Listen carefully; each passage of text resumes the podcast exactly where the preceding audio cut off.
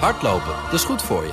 En Nationale Nederlanden helpt je daar graag bij. Bijvoorbeeld met onze digitale NN Running Coach... die antwoord geeft op al je hardloopvragen. Dus, kom ook in beweging. Onze support heb je. Kijk op nn.nl slash hardlopen. BNR Bouwmeesters wordt mede mogelijk gemaakt door Bouwend Nederland. De bouw maakt het. BNR Nieuwsradio. Bouwmeesters. Paul Lasseur. Welkom bij BNR Bouwmeesters voor de bedenkers, bouwers en bewoners. Prinsjesdag staat voor de deur. Tijd om de balans op te maken van het afgelopen jaar. Wat is de staat van de woningmarkt? Zijn alle plannen en wensen gerealiseerd? Halen we die 1 miljoen woningen in 2030 nog? En er gaan steeds meer geluiden op voor een OMT, maar dan voor de woningmarkt. Een Outbreak Management Team. Dan wel het roep om een terugkeer van het ministerie van VROM, Volkshuisvesting, Ruimtelijke Ordening en Milieu. Want waar is de regie op de woningmarkt? Daar ga ik over praten met Ton Hille topman van eh, bouwbedrijf Heijmans... en Peter Boelhouwer, hoogleraar woningmarkt aan de TU Delft. Hartelijk welkom, goed dat jullie er zijn. Ja. Dankjewel. En uh, nou, jullie zijn vaker te gast uh, in dit programma... dus we zeggen je en jou, dat, mm, dat lijkt me wel zo, zo prettig. Ehm, Peter, ik, ik, begin bij jou. Ehm, wat zijn volgens jou de grootste problemen... waar de woningmarkt nu mee kampt? Ja, het belangrijkste is toch het uh, tekort aan woningen. We hebben de laatste vijf, zes jaar is dat tekort opgelopen. Het officiële berekende tekort op 4,2 procent. En dat gaat ook de komende twee jaar nog oplopen. En we zien eigenlijk al dat zes uh, kwartalen de bouwvergunningen weggezakt zijn. Dus ook voor de komende twee jaar is dat niet een heel positief beeld. Dus ja, gewoon onvoldoende aanbod. Dat is natuurlijk echt het belangrijkste. Daarnaast speelt ook de betaalbaarheid toch echt wel een probleem. Zowel in de koop als in de huursector. Staat er ook niet helemaal los van natuurlijk. Nee, nee Nou ja, dat is waar. Maar ook wel de toegankelijkheid. Hè. We hebben de woningmarkt zo georganiseerd dat er bepaalde groepen, we noemen dat de outsiders, heel moeilijk aan de bak komen. En er zijn ook, eh, als je kijkt naar de woonlastenquoten van kopers, die zijn de afgelopen jaren zelfs gedaald. Maar ja, als je een plaatsje wil verwerven, dan is het heel moeilijk. Dus ja, enorm verschil tussen insiders en outsiders. En ja, dat, dat is echt ook een probleem.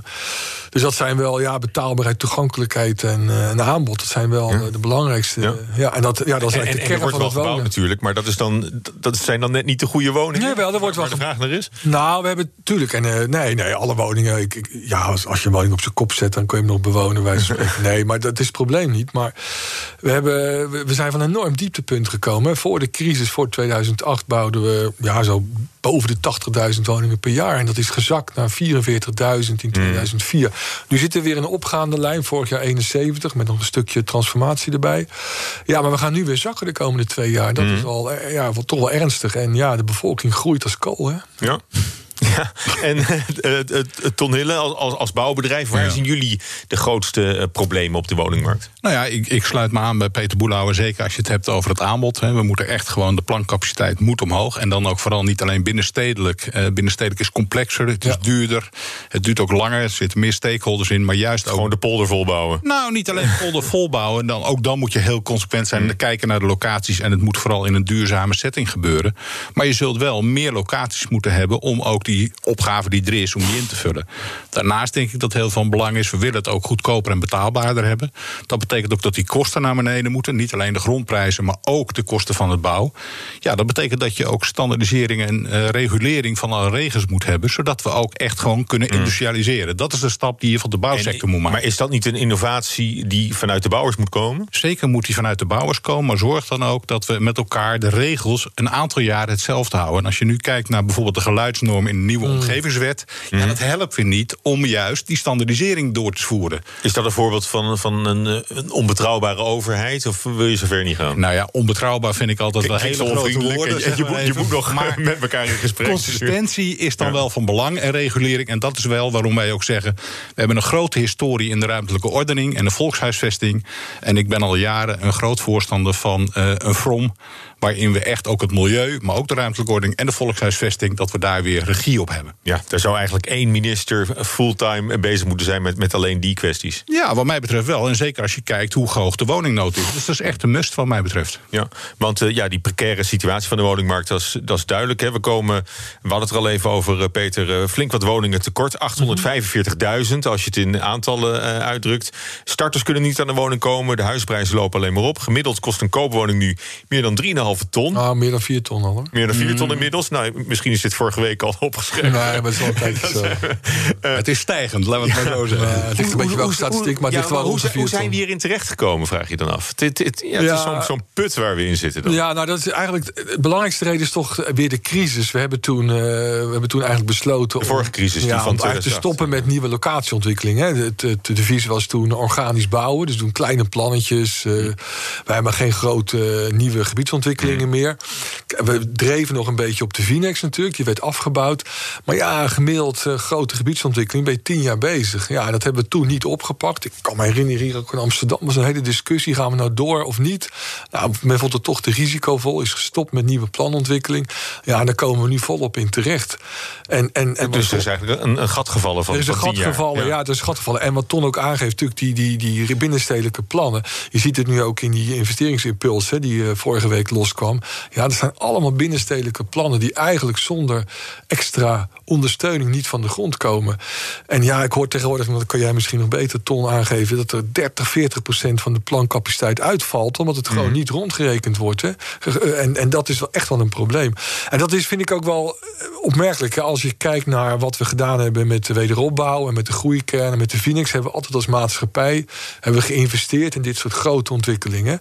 En we hebben op een gegeven moment in de crisis gezegd van, nou ja, en ook minister Blok heeft dat later aangegeven, van het moet allemaal zichzelf bedruipen, waar kleine plannetjes. Maar ja, als je, als je voor 200 jaar woningen bouwt en je wilt dat dan door de eerste gebruiker laten opbrengen, en je moet dan dure hè, locaties waarbij je bedrijven moet verplaatsen, grond moet saneren, ja, dat kun je toch bedenken dat dat niet kan zonder additionele ondersteuning. Dat loopt gewoon een keer vast. En daar komt nog bij, en daar maak ik me ook wel zorgen over, dat inderdaad, als je kijkt naar de plannen zoals ze nu liggen, is 80% binnenstedelijk. Dat is wel heel veel. Als ik naar de woonvoorkeuren kijk, ja, is dat precies andersom. Dus hoe lang gaat dit nog goed? Dat is wel mijn vraag hoor. Het gaat niet goed. Ja, maar, nee, dat ben ik met je eens. Maar, maar, maar er lijkt toch wel, want, want het is niet voor het eerst. maar dat is wat op de toekomst dan op ons af. Het is niet voor het eerst, maar ook niet voor het laatst waarschijnlijk... dat eh, in dit programma we deze eh, problemen aan, aan de orde eh, stellen. Eh, is er niet toch wel enig gevoel voor urgentie intussen? Hè? Want als je naar de Prinsjesdagplannen Ja. kijkt... hè, er zijn al wat dingen Ja, uitgelegd. precies. 290 miljoen euro wil het kabinet nu steken... in de bouw van 51.000 woningen. Is, is, dat dan, is dat dan een druppel op een gloeiende plaat? Nee, of is, nee. of is- zijn het woningen die er toch al hadden zullen komen... maar die nu eh, een half jaar eerder worden Ja, gerealiseerd? deels wel, deels wel. Maar deels ook wel projecten die vastzaten. Die, die betoncentrale in Den Haag bijvoorbeeld is een mooi voorbeeld, denk ik. Maar ook heel belangrijk is dat een aantal plannen ook nog betaalbare woningen kunnen bevatten. Want daar, dat is natuurlijk het probleem. We willen ook nog Betaalbaarheid. Ja, en dat, daar, is gewoon, daar heb je gewoon additionele middelen. Dat, die 290 miljoen, dat is uit dat miljard van, eh van Olengren. En dat is natuurlijk een hele mooie start, vind ik. En dat, eh, ja, we krijgen in oktober weer zo'n tranche. Er zijn eh, ja, 27 projecten zijn er daar dan vlot getrokken. Vooral binnenstedelijke projecten. Ja, die, dat, is precies wat je zou moeten doen, denk Ja. ik. Ja. Maar het, het is dat, dat, dat geld is, is voor projectontwikkelaars. Nou, nee, Eh, voor project- bouw- het is niet voor projectontwikkelaars. Het is om projecten vlot te trekken. trekken. Dat gaat ook over investeringen, over sanering van een gebied. Hè. Als ik Peter hoor zeggen Ja, over de, locatie eh, bijvoorbeeld in eh, Den Haag. dus dat is hartstikke goed. hè. Dat was een helpt jullie dit ook, eh, asfaltcentrale, stond daar ook nu. Ja. En die wordt getransformeerd naar een woongebied. Maar de volgende vraag is: één, goed dat het de middelen beschikbaar komen. Maar ja, wanneer worden er echt woningen gebouwd? Want voordat die centrale. Jaren verder, eh, ja. dan ben je weer jaren verder. Maar, En maar we is, hebben het, is, één het echt, grote- is het echt een doorbraak dat er nu die 51.000 woningen komen? Of is het, eh, was het toch al eh, Nee, ik vind een het warme goed. grond? Nee, ik denk dat het heel goed is dat deze middelen er zijn... en dat we juist die moeilijke locaties binnenstedelijk... dat we die vlot kunnen trekken nu. Dat is echt een noodzaak. Alleen, je hebt er morgen geen huizen mee. En we hebben één omissie gemaakt... Normaal gesproken is het zo dat als je in een crisis komt... dat er anticyclisch wordt geïnvesteerd, zeker door woningcorporaties. En dat is dus in de afgelopen crisis... Anticyclisch, dat is, wordt altijd populair gezegd. Je moet het eh, dak Nee, maar- repareren als, het, eh, als de Nou zon ja, schijnt. op het moment dat er zeg maar even de bouwkosten lager zijn, zou de, de coöperatie juist kunnen investeren om goedkope woningen te maken. Dat is niet gebeurd. Dat is één kant. Tweede kant is, wat natuurlijk raar is, dat er gewoon een gewone politieman of een verpleegster, die kan gewoon niet meer een huis kopen. Dat is gewoon toch te gek voor woorden. En dat betekent natuurlijk, deels heeft dat te maken met inkomens, deels heeft dat ook te maken met die, huisko- die, die, die kosten van een huis die te hoog zijn. Maar daarnaast ook dat we hele strakke financiële regels hebben... die men niet kan nakomen. Waarom moeten we een huis in 30 jaar aflossen tot nul? Waarom, terwijl we allemaal ouder worden... de AOW gaat later in, pensioenen die worden steeds meer belast... moeten we in 30 jaar überhaupt zeg maar even een huis aflossen? Waarom moet dat niet 40 jaar worden, terwijl we continu ouder worden? Dus we moeten nadenken hoe we ook bestaande regels gaan aanpassen. Ja, nou ja, goed, dat zal ook met de culturen denk ik in de hele sector te maken hebben. En ook de relatie tussen, uh, tussen woningbouwcorporaties en, uh, en, en, en, en, de bouwbedrijven. Nee, maar het gaat ook over de banken. Waarom hebben we een regel dat we de, hè, het inkomen maar 4, 4,5 keer ingezet mag worden om een, om een huis te lenen? En dat moeten we dan ook nog in 30 jaar volledig aflossen naar nul. Terwijl uiteindelijk een huis altijd een restwaarde heeft. Maar, maar er wordt niet niks gedaan natuurlijk. We hebben ook naar de miljoenennoten van vorig jaar gekregen. Daar, daar kwamen die, uh, die woondeals uit voort. Hè. 2 miljard euro uh, daarvoor uitgetrokken. Nou, dat was niet die woondeals. Hoor. Maar wat, wat is daar dan van terechtgekomen? Nou ja, die, die, die, miljard. Je ziet nu dat een aantal projecten dat toegekend is voor een deel uit die woondeals kwamen. Kijk, die woondeals, ja, ik vond het zelf te slap eigenlijk. Hè. Dat waren gewoon ja, afspraken op papier waar de marktpartijen ook niet bij betrokken waren. Dat is een eerste stap geweest. Maar dit is nu een echt een serieuze stap waarbij projecten echt financieel geholpen worden. En wat de minister nu heeft in die brief heeft aangekondigd, althans, dat schijnt dan morgen gepresenteerd te worden, is dat er veertien verstedelijkingsgebieden nu echt harde afspraken gemaakt gaan worden. Waarbij het Rijk ook regie gaat nemen. Amsterdam, Utrecht, de Randstad, Zuidelijke Randstad. Dus dat gaat een stap verder dan die woondeals. Ja. En daar ben ik, dat vind ik wel heel goed hoor. Dat, kijk, dat is een beetje ook wat het ministerie is, van Financiën. Het is toch papier allemaal? Ja, maar dat is wel verantwoordelijkheid. Kijk, het probleem is dat niemand is, is verantwoordelijk. Er is een beleidslacune ontstaan. Ook het ministerie van Financiën gaf dat in een, een recente onverdachte hoek hè, een rapport aan. Er is niemand die aanspreekbaar is op die, op die productie. De minister, ja, die zegt: ik bouw geen huizen. Provincies hebben toch als vooral, voornamelijk als taak om open ruimte te beschermen. Dus, en milieu, zijn daar echt op aanspreekbaar. En gemeentes, ja, die hebben ook allerlei andere belangen, hè, zelfs binnen gemeentes. Maar je moet iemand hebben die, die aanspreekbaar is en die ook middelen krijgt om dat, om dat vlot te trekken. Ja, maar daarmee is het tekort aan bouwlocaties nog niet op, opgelost, natuurlijk. Nee, nee. En, maar ook daarvoor heb je weer nodig uh, een regie. Hè. Dus het is mooi dat we een nieuwe omgevingsvisie hebben, hè, de Novi. Nou, dat hadden we vroeger ook. De Fino was dat. Die werd uiteindelijk werd dat de Finex. En eigenlijk wat er toen gebeurd is, toen zijn er duidelijk locaties aangewezen en zijn er middelen beschikbaar gesteld. Precies. En het lijkt erop dat dat nu dezelfde beweging is die men maakt. Dus we hebben de Novi, dat is het beleidskader. Laten we dan maar naar de Novex gaan, noem ik het dan maar even. Ja, als ik zo mag zeggen, waar in ieder geval het geld en de middelen ook worden gealloceerd. Want daar hebben we behoefte aan. En dan kunnen we versnelling maken voor alle doelgroepen. Kan je daarmee ook de trend keren dat bouwgrond en bouwvergunningen en nieuwbouwwoningen alleen maar duurder worden? Ik denk dat je daar niet, daar kun je niet alles mee doen, maar het is wel een beweging die je maakt. Ik denk daarnaast dat we, en dat gaf ik net ook aan, dat we verder moeten gaan industrialiseren. Uniforme regelgeving, consistentie daarin. Dan kun je op een gegeven moment ook industrieel produceren en kun je het betaalbaar maken voor de consument. Want dat is absoluut nodig. En weten we wat de huizenkopers eigenlijk willen? Ik denk dat wij redelijk goed weten wat de huisverkopers willen. Als je kijkt naar de vraag hè, dat we 80% binnenstedelijk aan plannen liggen. Maar dat de vraag van de consument meer buitenstedelijk is. Die wordt alleen maar misschien wel versterkt met corona. Waar we allemaal meer thuis zitten. En waar we ook goede en ruime woningen mm. willen hebben. Die zullen we binnenstedelijk moeilijker kunnen maken. Oké. Okay. BNR Nieuwsradio. Bouwmeesters. Paul Lasseur. Zometeen praten we verder over de staat van de woningmarkt met Ton Hille, directeur van bouwbedrijf Heijmans, en Peter Boelhouwer, hoogleraar woningmarkt aan de TU Delft. Moet het ministerie van Vrom terugkomen? Zou dat niet een goed begin zijn? Maar nu eerst. BNR Bouwexpo. Heeft de redacteur Judith Lane voor ons uitgezocht hoe het ook alweer zit met het Binnenhof en Prinsjesdag dit jaar. Het is alweer bijna de derde dinsdag in september. En dat betekent dat het tijd is voor... Prinsjesdag. Enkele dagen later zijn de Hagenaars en hun gasten al van de vroege morgen af in de weer... om een plaats te bemachtigen langs de route van het paleis naar het Binnenhof. Maar die wordt dit jaar wel wat anders dan anders. Normaal is die natuurlijk altijd in de Ridderzaal, hè, op het Binnenhof. Maar niet dit jaar, want corona. En dus hoor je straks... Leden van de Staten-Generaal. ...uit de Grote Kerk komen in plaats van uit de Ridderzaal. Ja, ken je trouwens die grap van de Ridderzaal? Die zou verbouwd worden, maar toch niet. Want het was te duur.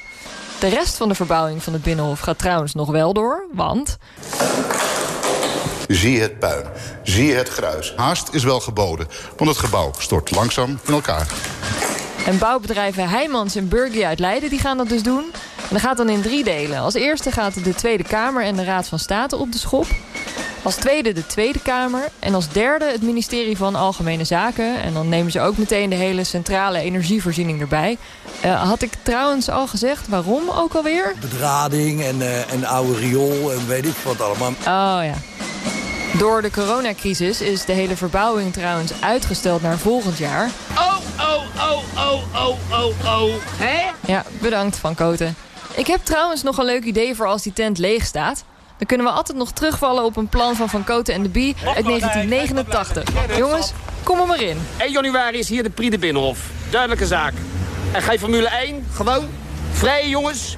Die wagens hebben zoals wij. Binnenhofreis, hè? Daar het poortje in, over, over het Binnenhof, daar er weer uit... en dan via de Vervenberg weer terug. Dus alle wagens die minimaal 200 rijden... kunnen meeschrijven in de Binnenhofrace. Kampie de Binnenhof. Gewoon rechts de jongens in de vrachtwagens en links, links wij.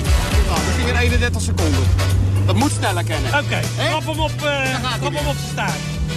Ja, de onnavolgbare Jacobsen en uh, Van Es met de Grand Prix op het Binnenhof. Ik weet niet of we dat snel gaan zien. Maar het is altijd leuk om ze weer even, even terug te horen.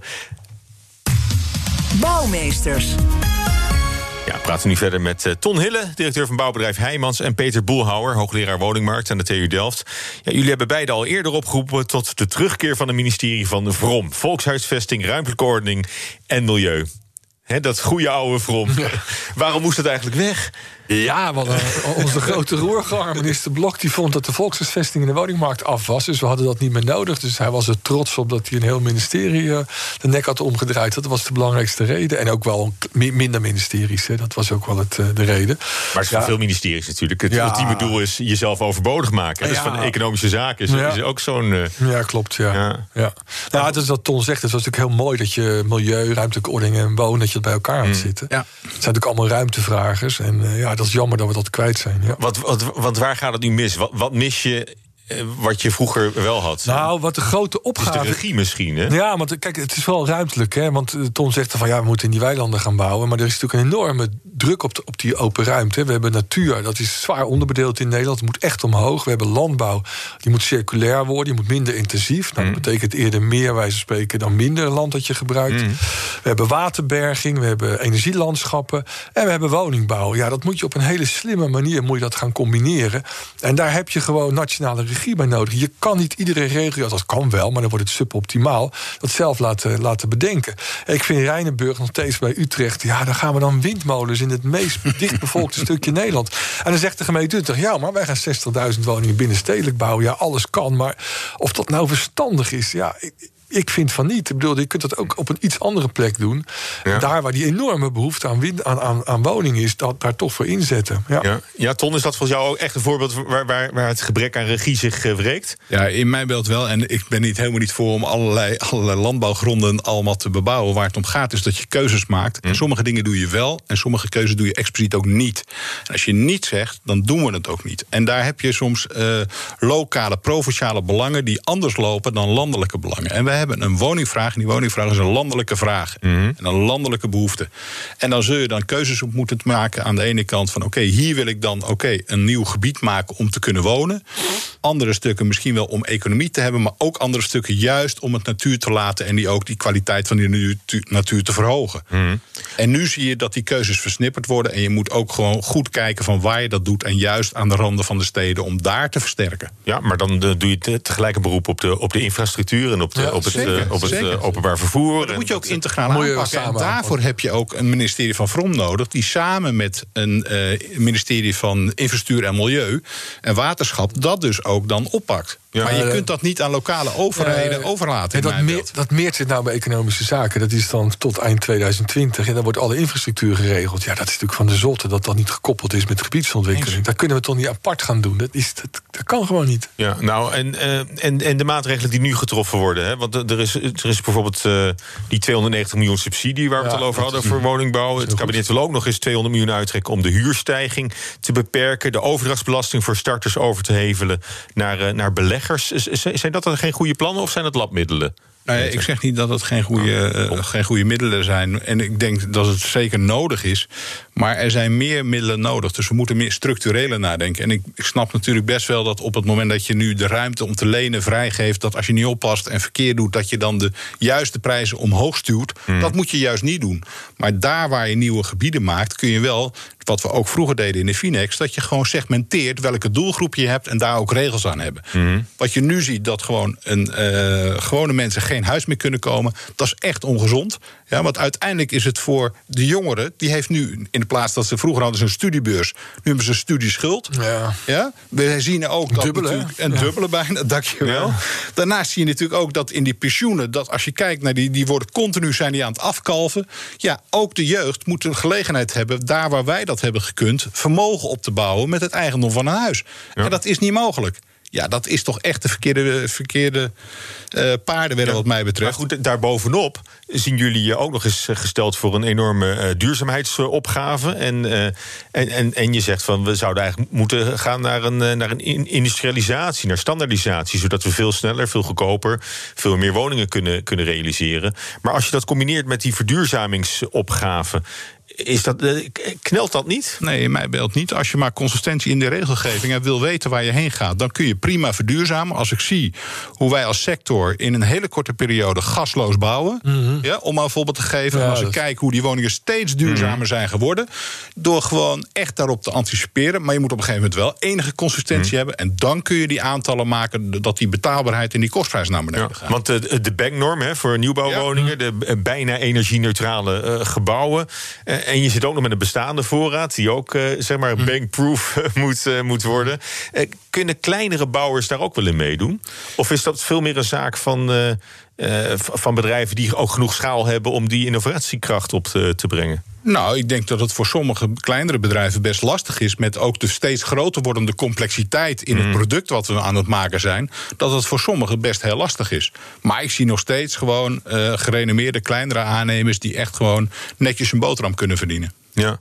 Eh, eh, Peter, het Planbureau voor de Leefomgeving heeft onlangs voorgerekend dat verduurzamen van de woning voor huiseigenaren eigenlijk onredabel is. Maar het moet wel gebeuren, hè, want, het, want het klimaatakkoord. Ja, maar dat wisten we eigenlijk al. Hè, dus dat... Maar dan, dan snijden we ons behoorlijk in de vingers. We, we, we hebben ons in ieder geval in een lastige spagaat eh, Jawel, maar daar, daar geldt ook weer voor. Daar moet je ook in, in kunnen en durven investeren. Ik, ik heb nooit begrepen waarom, waarom Urgenda, dat soort clubs, alsmaar roepen dat dat, dat, dat uit kan. En, en, en dat dat allemaal geregeld kan worden zonder dat we daar iets, iets, iets voor over hebben. Dat zijn gewoon nieuwe ontwikkelingen. Daar moeten we als maatschappij in kunnen en willen investeren. En ook, ook betalen.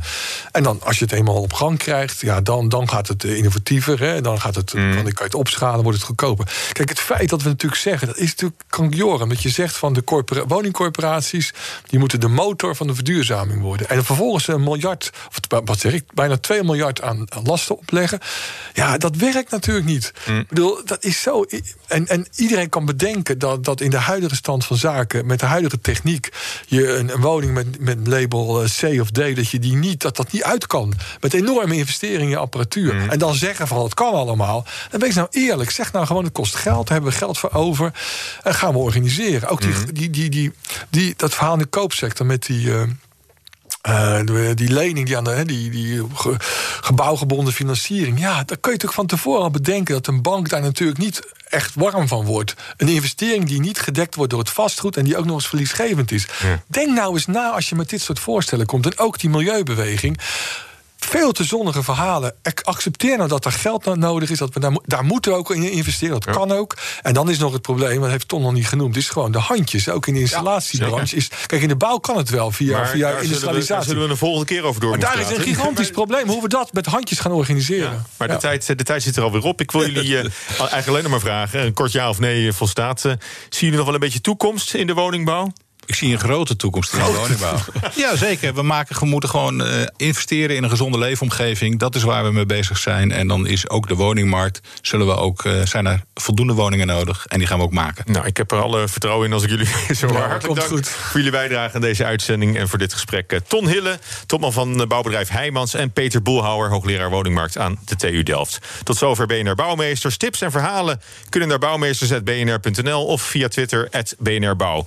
En deze uitzending is terug te luisteren als podcast via de BNR-app en bnr.nl. Tot volgende week.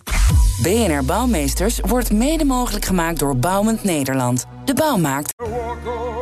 Hardlopen, dat is goed voor je. En Nationale Nederlanden helpt je daar graag bij. Bijvoorbeeld met onze digitale NN Running Coach... die antwoord geeft op al je hardloopvragen. Dus, kom ook in beweging. Onze support heb je. Kijk op nn.nl slash hardlopen.